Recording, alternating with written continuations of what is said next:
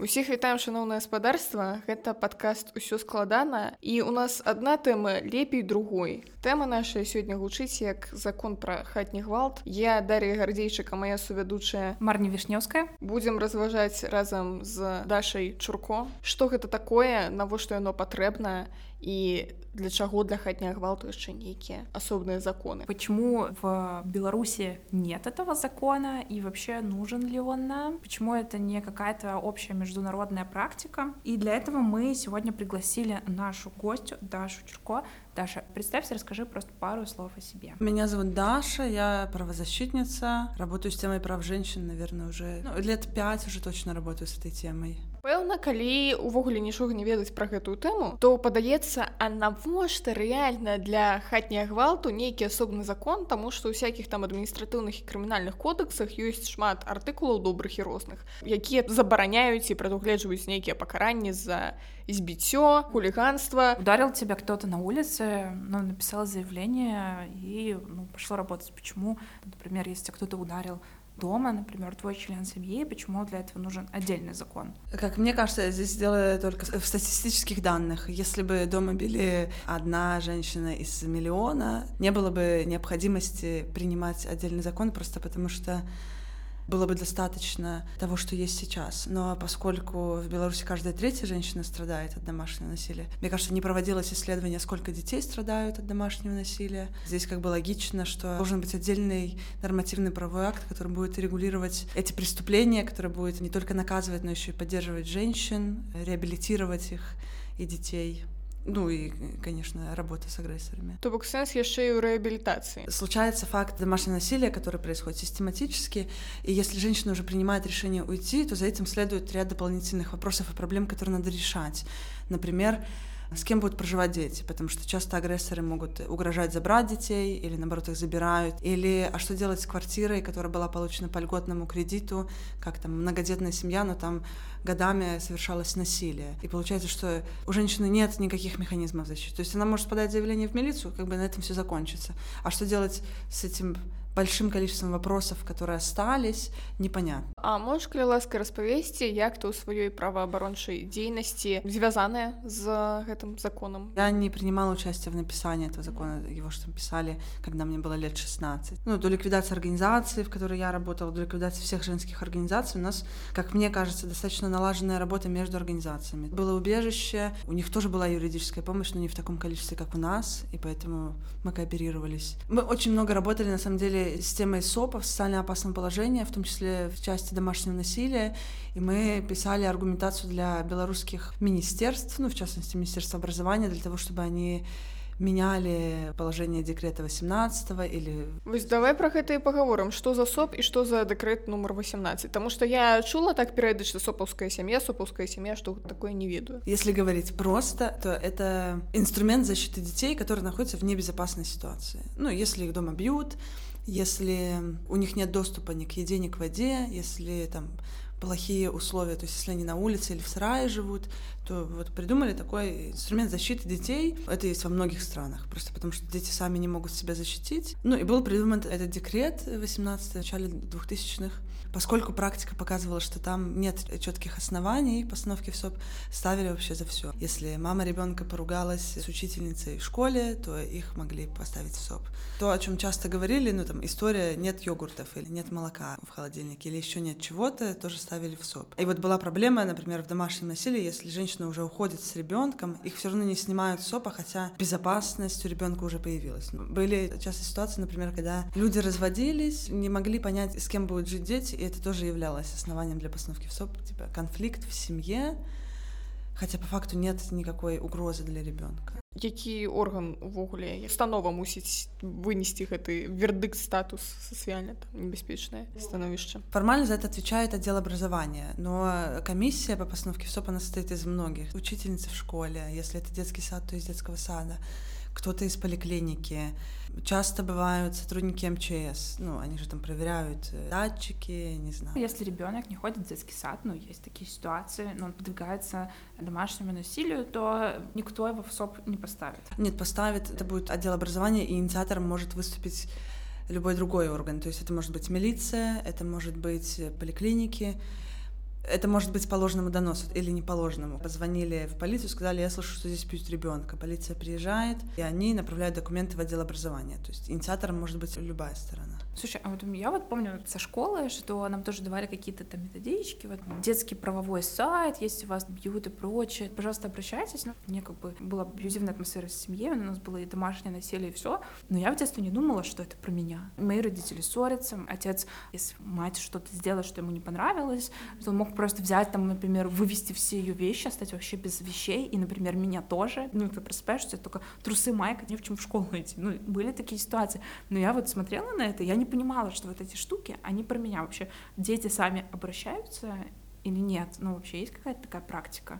Я предполагаю, у меня в детстве тоже была не очень ну, безопасная семья, отношения в семье, но поскольку там в окружении и в школе очень часто говорилось о том, что СОП, неблагополучная семья, ну, то есть это придает стигматизацию, а еще угрожают, что если вдруг что, вы приходите, мы вас заберем. Я вспоминаю себя десятилетнюю, я понимаю, что ну, как бы там плохо в семье не было, но я люблю маму. Я не хочу жить непонятно где, непонятно с кем. Я предполагаю, что поэтому дети не звонят. Так, а в чем казаць, калі у мяне, напрыклад, настаўніца малодшых класаў ведала, што аднаго хлопца збіваюць дома за адзнакі там ці за штосьці. І он такая ну вось рамня получыў і як шоўкавы трэба як мага часцей тваім бацькам званіць калі нармалізаваны гэты гвал і ёсць адчуванне што гэта ці метад выхавання ці просто людзі канфліктуюць такім чынам то яшчэ одна прычына чаму ніхто нікуды не будзе тэлефанаваць. У меня в окружении применяли насилие к детям почти ко всем. Там за плохие оценки не знаю поздно вернулись и все дети боялись что будет что-то такое. Поэтому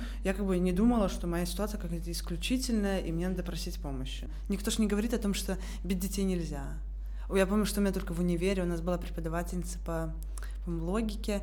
Она сказала, что каждый раз, когда я вижу, что на улице бьют ребенка, я подхожу и говорю, сейчас вызову полицию. Я еще хотела у себе запытаться увогуле про гэты правовы статус, як это соб сацыяльна небяспечнае становішча, так? Што адбываецца сям'ёй, калі яна атрымлівае гэты статус, увогуле як мяняецца правы и обовязки членов этой семьи? Начинается соцрасследование. Все ходят в квартиру, осматривают жилищные условия. Если с жилищными условиями более-менее все в порядке, то есть есть кровать, еда, стол, более-менее чисто, то ну, на этом может все и закончиться, если там основание было какое-то, не знаю, плохие жилищные условия.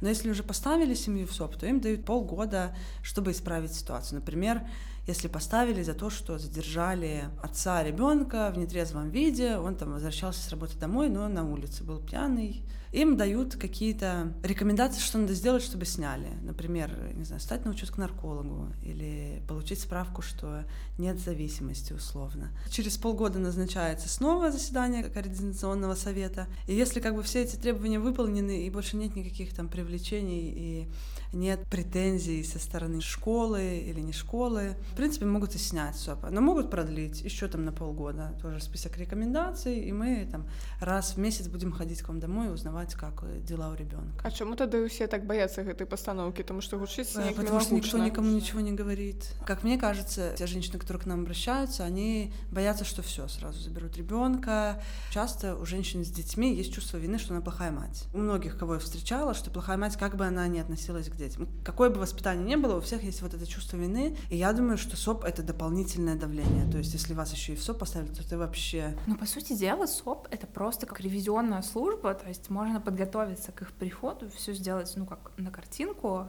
а они приходят, видят это, и все, вас снимают. То есть реальных изменений они никак не могут вот это прочекать. Если основания применения насилия в отношении ребенка, они особо это не проконтролируют. То есть они могут проводить психологические встречи с ребенком. Но это должно быть согласие родителей. Но ребенок может ничего не сказать просто потому, что он боится, что заберут. Фактически, с одной стороны, это вроде как должен был быть хороший инструмент для защиты детей, но особенно после 20-го это просто репрессивный этот инструмент. Ходили на протесты, поставили в СОП, забрали детей. Слухай, а может быть тады якраз якія рекомендации вы писали, что можно было б изменить в этом подходе, как стало лепей? Ну, мы писали про конкретизацию, и вот сейчас там более-менее все конкретизировано, и поэтому, например, очень много отделов образования угрожают постановкой в СОП, если есть задолженность по ЖКХ. И они даже начинают расследование ставить, но нет, тебя не имеют права поставить просто потому, что это не основание. Какие рекомендации нужны? Это, я думаю, что выключение человеческого фактора у тех, кто ставит все, потому что очень часто на заседаниях Координационного совета ну, совершается психологическое насилие в отношении женщины. Так вот, чем занимается Координационный совет, наконец-то мы узнали. З гэтым выключэннем чалавечага фактара атрымліваецца ну у мяне ёсць часта такая думка што можа быть трэба там прапісаць нейкі код зрабіць нейкі чат штучны інтэлект які будзе просто па алгарытму высвятляць што з'яўляецца сацыяльна небяспечным становішчам што не Ну вот не знаю, мне кажется, что здесь надо смотреть еще практику международных стран. Ну то есть с одной стороны классно было бы выключить человеческий фактор, чтобы не было такого, что родители отказались давать деньги на ремонт школы, которые ну, собираются ежегодно, учительница может повлиять на то, чтобы поставили в СОП. Но при этом даже у судей один из принципов, чем они руководствуются при принятии решения, ну это в кодексе указано, это вот в том числе внутреннее убеждение. Как будто бы надо просто образовывать людей. Сначала образовать всех, кто ставит в СОП, затем поставить везде камеры, чтобы у них даже не поднималась рука, не открывался рот, чтобы оскорблять, унижать этих женщин. Ну и чаще женщины ходят на заседания, мужчины не ходят. А вот э, ты говорила про международную практику, а можешь просто привести примеры? Ну, может, у нас такого закона нет про домашнее насилие, и значит, наверное, когда пишется или когда пытались писать этот закон, опирались на какие-то международные практики в других странах. В каких странах это работает успешно, а может быть в каких-то странах работает и не очень успешно. Например, вот в Казахстане в 2009 году тоже приняли этот закон, и он работал не совсем успешно, так же, как и в Украине. Просто потому что, как бы, вроде как закон есть, но образовательные работы с полицией никто особо не проводил никак. Для меня успешная практика была бы это, если бы вообще не было домашнего насилия. Поэтому все, что где-то есть, оно вроде как более-менее защищает женщину, у женщины есть гарантии какие-нибудь ну, как в Германии. Но при этом там все равно есть много шелтеров, куда женщины приходят. Там все равно есть вопросы, потому что развестись в Германии, ну, надо несколько лет потратить, чтобы развестись. Вроде как там есть и закон, и более эффективная работа по этому закону, и вроде как они ратифицировали эту конвенцию стамбульскую, но все равно, чтобы развестись с агрессором, надо несколько лет. А после развода ж можно разделять имущество в Беларуси сложно будет даже самим женщинам понять, что они живут в ситуации насилия. Например, я знаю несколько ситуаций, когда нет прямого физического насилия, но есть экономическое непрямое. Женщина не работает, находится с ребенком до трех лет, получает пособие, и каждый раз, допустим, 20 числа каждого месяца ей приходит пособие на ребенка. И есть ситуация, когда мужчина вот подходит 20 и говорит, у меня там сломалась машина, мне надо еще на что-то. И вот посредством таких неосознанных манипуляций или осознанных женщине приходится отдавать даже то, что у нее есть. Якія хітрыя вымагацелі я просто такога не чакала Ну то бок зноў жа мы вяртаемся да гэтай праблемы адукацыі давайте неяк усіх адукоўваць. Мне падаецца што ў беларусі нейкім дзіўным чынам адбылося не так як у Казахстане ці ўкраіне а наадварот што ў нас былі ўсякія адукацыйныя праграмы у тым сэнсе што некамерцыйныя арганізацыі шмат чаго рабілі і для супрацоўнікаў супрацоўніц міліцыі і просто нейкія розныя адукацыйныя рэчы ў медыяпрасторы а пра гэтым закона не было. Можаш калі ласка прыгадаць что там было з тым законам чаго яго пісалі пісалі а прыняць не далі рады его ж писали еще в нулевые пытались там протолкнуть не протолкнуть но не получалось потому что МВД говорил о том что так у нас же все есть у нас же есть вон Радислава убежище он еще какие-то юридические консультации зачем нам закон в восемнадцатом году развернули закон это же эти все прорелигиозные, они насобирали подписей и отправили в администрацию президента петицию о том, что не нужен нам такой закон, потому что там слово гендер, оно пугает и так далее. Ну, понизится рождаемость, выйдут ЛГБТК на улицу. Жесть, как мы будем с гэтым жить? Лукашенко сказал, что не нужен нам никакой закон, западные ценности — это не наши, у нас есть свои традиционные.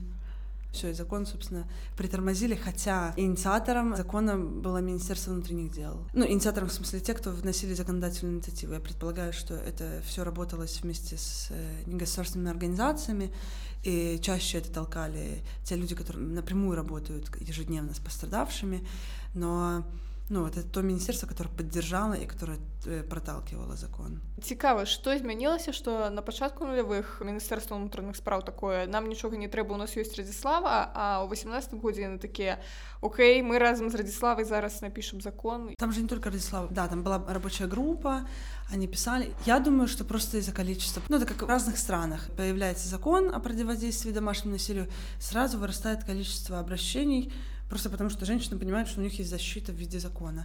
И потом оно постепенно снижается, потому что эффективные меры наказания и так далее.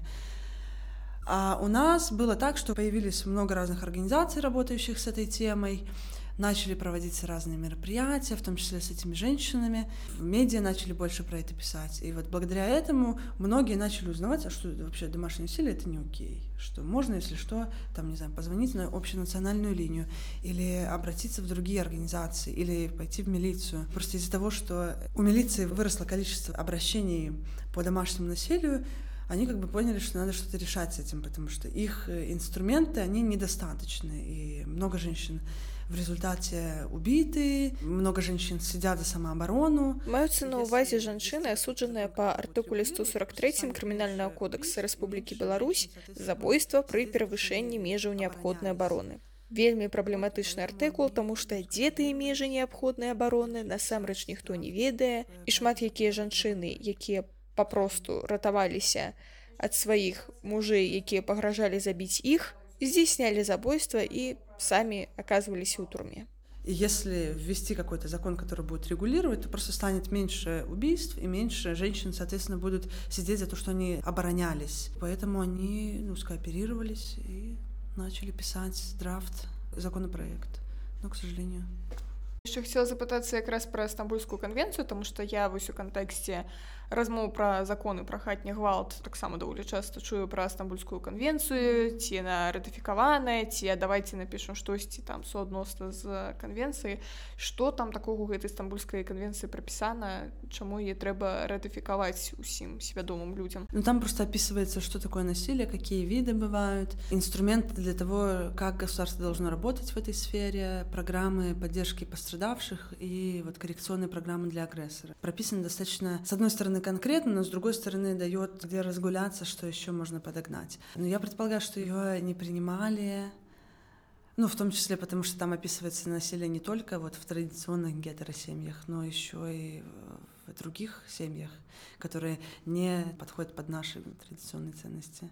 Что это за ценности, зонжа никто не ведает, докладно. Да, может быть, к концу подкаста мы все-таки поймем, к концу сезона кто-то нам расскажет, потому что пока никто не знает, что это такое. Про религиозные организации, которые, возможно, напрямую не имеют ни церкви, ничего, но они что же против и конвенции, и закона, потому что боятся, что там будет прописано домашнее насилие. Это насилие не только в гетеросемье, в гомосемье, в семье, где несколько партнеров и партнерок между собой в отношениях. Страшно, что выйдут все эти люди на улицу. Если ну, на данный момент в Беларуси нету закона о домашнем насилии, тогда что работает на данный момент, как это работает, какие есть законы в законодательстве, по которым можно все равно это как-то классифицировать и судить, например, этих людей, которые применяют домашнее насилие. Ну, сейчас мне кажется, что вообще очень сложно, потому что МВД после 20 или после 21 года перестала вывешивать статистику. Раньше они хотя бы писали преступления или правонарушения бытовые, и там можно было предположить, что к бытовым относится в том числе домашнее насилие. А сейчас непонятно даже какое количество ежедневно или какое количество ежегодно. А по поводу того, что работает, на зеркале была статья о том, что мужчина принес на работу своей девушке или бывшей девушке венок похорон. Ой, я не видела эту новость. Так. И он принес после истечения срока защитного предписания. То есть там в отношениях было домашнее насилие, она обратилась в милицию, вынесли защитное предписание. Это такой инструмент, когда агрессор не может к вам приближаться, звонить, писать и так далее от 3 до 30 дней. И оно в Беларуси есть. Есть и достаточно активно, мне кажется, применяется. Но часто, например, если люди живут вместе, то там через три дня мужчина приходит и извиняется, и женщина уже пускает и не обращается в милицию повторно, что он пришел. То есть, а, и потом оно по кругу. Было вынесено защитное предписание, потом истекли эти 30 дней, и он на работу пришел с похоронным венком. Сейчас я, например, знаю о том, что многие женщины не обращаются в милицию, потому что агрессоры угрожают сдать их в милицию, потому что они ходили на акции протеста в 20-м. Зачитываю. В Молодечно парень подарил бывший гроб и венок. Она не оценила. Жесть, что? Нет, нет, не может быть. Почему мы пропустили эту новость? Я думаю, что по этой новости можно посмотреть, как, собственно, какое у нас отношение к домашнему насилию. Ну, не оценила подарок. Ну, такая ситуация. Вот он 30 дней не приближался к ней, потом на 31 день приходит с венком. И что мне делать после этого? Ну, кинуть в него венком, меня заберут за насилие примененное. Что мне делать с этим? А я тебе скажу, что робить. Сделал он это зря, пиша зеркало. Как оказалось, он находится в розыске за совершение кражи, и при обыске при нем нашли два патрона калибра 7,62. А украл он венок? патроны калібра 7,62 відавочна карацей я думаю просто калі да вас праходзіць ваш былы трэба дастаць патроны калібра 7,62 подкинуть яму у кішэню выклікаць міліцыю тады яго зараштуюць ну окей ну если бы у него не было патронов если бы он не украл этот венок если, то есть... бы, он... если бы он был не в розыске ну то есть да, фактически что, что делать? Вот это, это просто пойти поговорить с участковым ну больше ничего они ничего не смогут сделать участковый скажет хо-хо те цветы подарили можно пробовать писать заявление что я воспринимаю этот подарок как угрозу жизни и здоровья возможно начнется предварительное следствие о том, является это угрозой жизни или нет.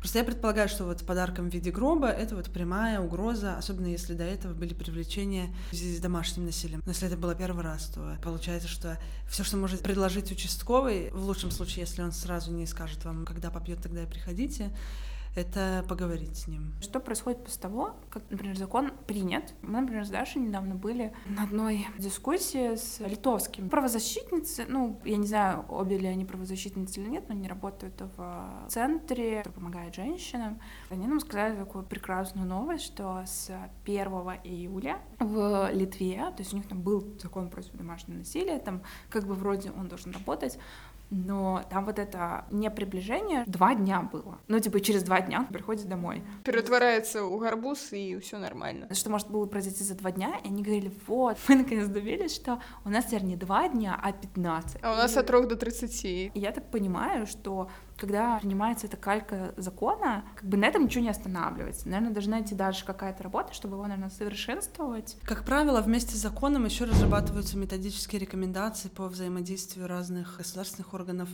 и негосударственных организаций. Принят закон, есть эти рекомендации, они рассылаются по всем органам. Ну вот с домашним насилием это будет всегда Министерство образования, потому что дети, и Министерство здравоохранения. В моей идеальной картинке они все сразу проходят повышение квалификации или подтверждение знаний о том, как но работать с пострадавшими. Но все сразу, наверное, нет, но в короткие сроки, два дня одни, потом другие, потом еще кто-то проходит обучение, в том числе, как узнавать, что женщина в ситуации домашнего насилия.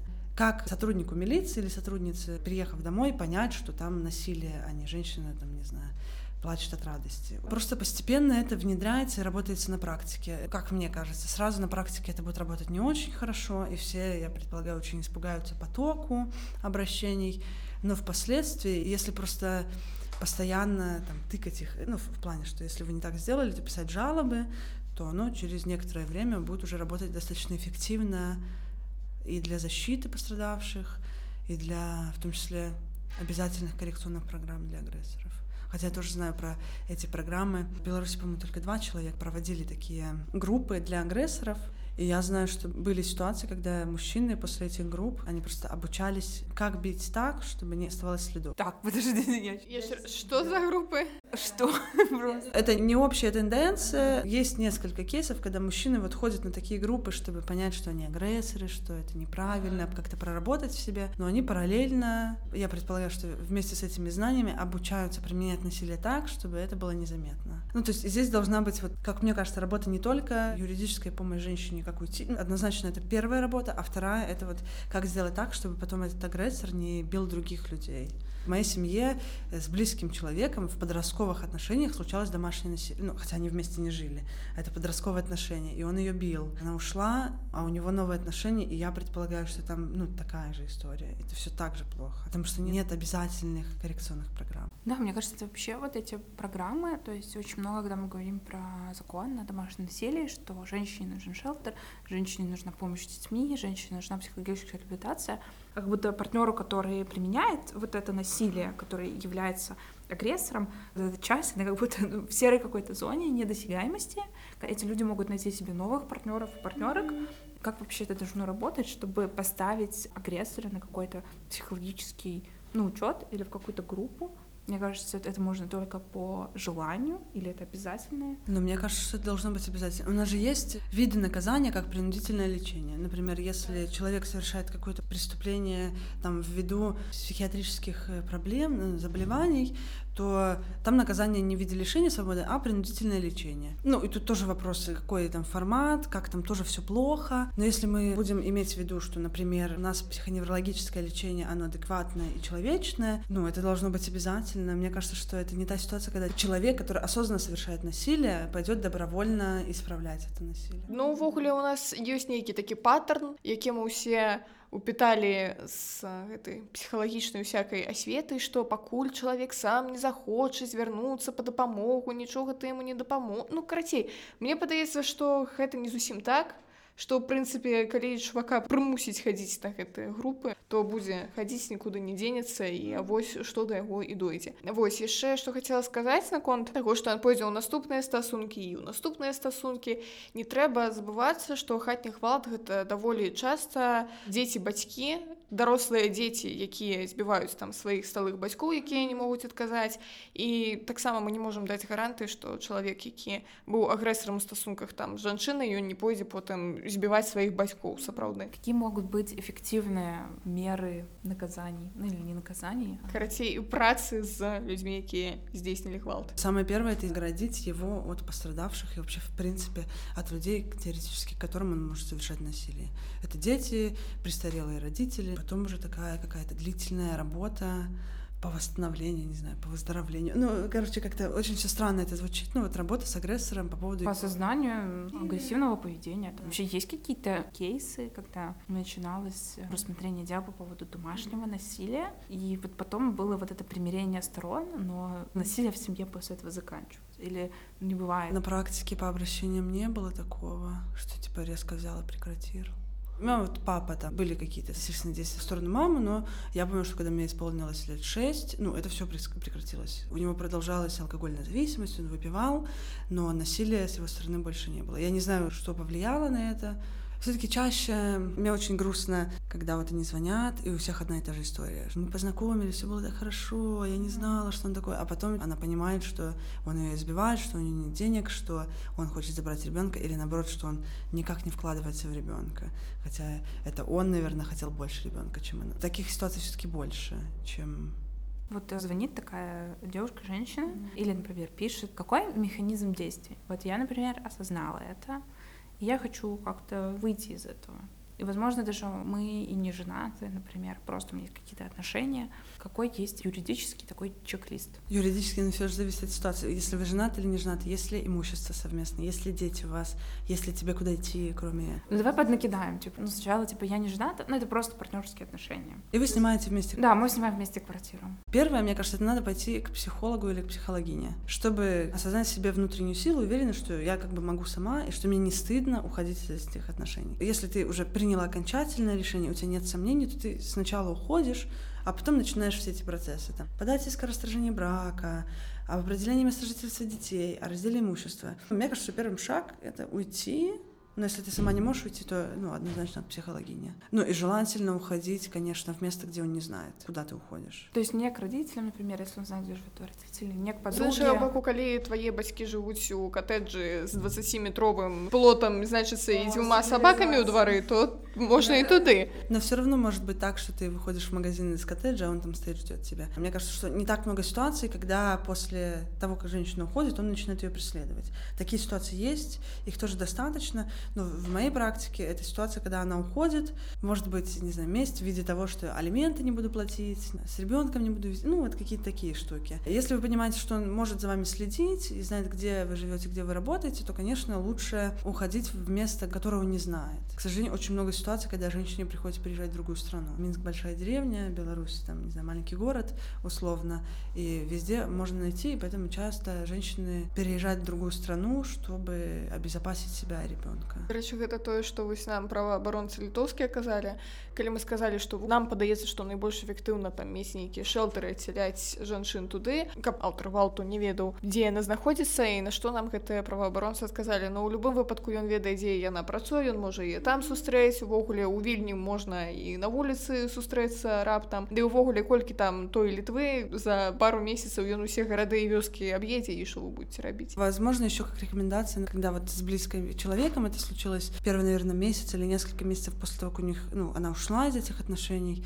она одна не ходила ну то есть какое-то время я с ней ходила подруга ну то чтобы она одна по городу не передвигалась. Если вы чувствуете понимаете что человек ну там, совсем условно снесло крышу и он караулит около дома то здесь конечно одной лучше никуда не ходить. Ты работаешь еще около пяти лет. Ты работаешь с людьми которые травмированы. Мне кажется это тоже может травмировать и тебя, потому что ты являешься прямой свидетельницей насилия и соприкасаешься mm-hmm. с этим. Как ты вообще сохраняешь себя? Какой у тебя work-life balance? Пока никакого.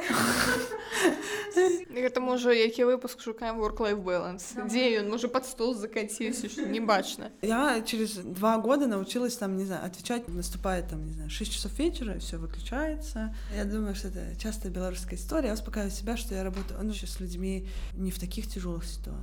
У меня произошла ситуация, когда к нам звонила женщина, мы ей помогали, потом она пропала, и потом нам пришла заява из Следственного комитета, что ее убил сын. Ну, и это первая ситуация. Я помню, что я стою в универе, мне звонит коллежанка, я понимаю, что мне 19 лет, и у меня клиентка, которую убили. А потом поговорила с коллежанками, которые в шелтере работали. Они рассказывали, таких ситуаций у них очень много.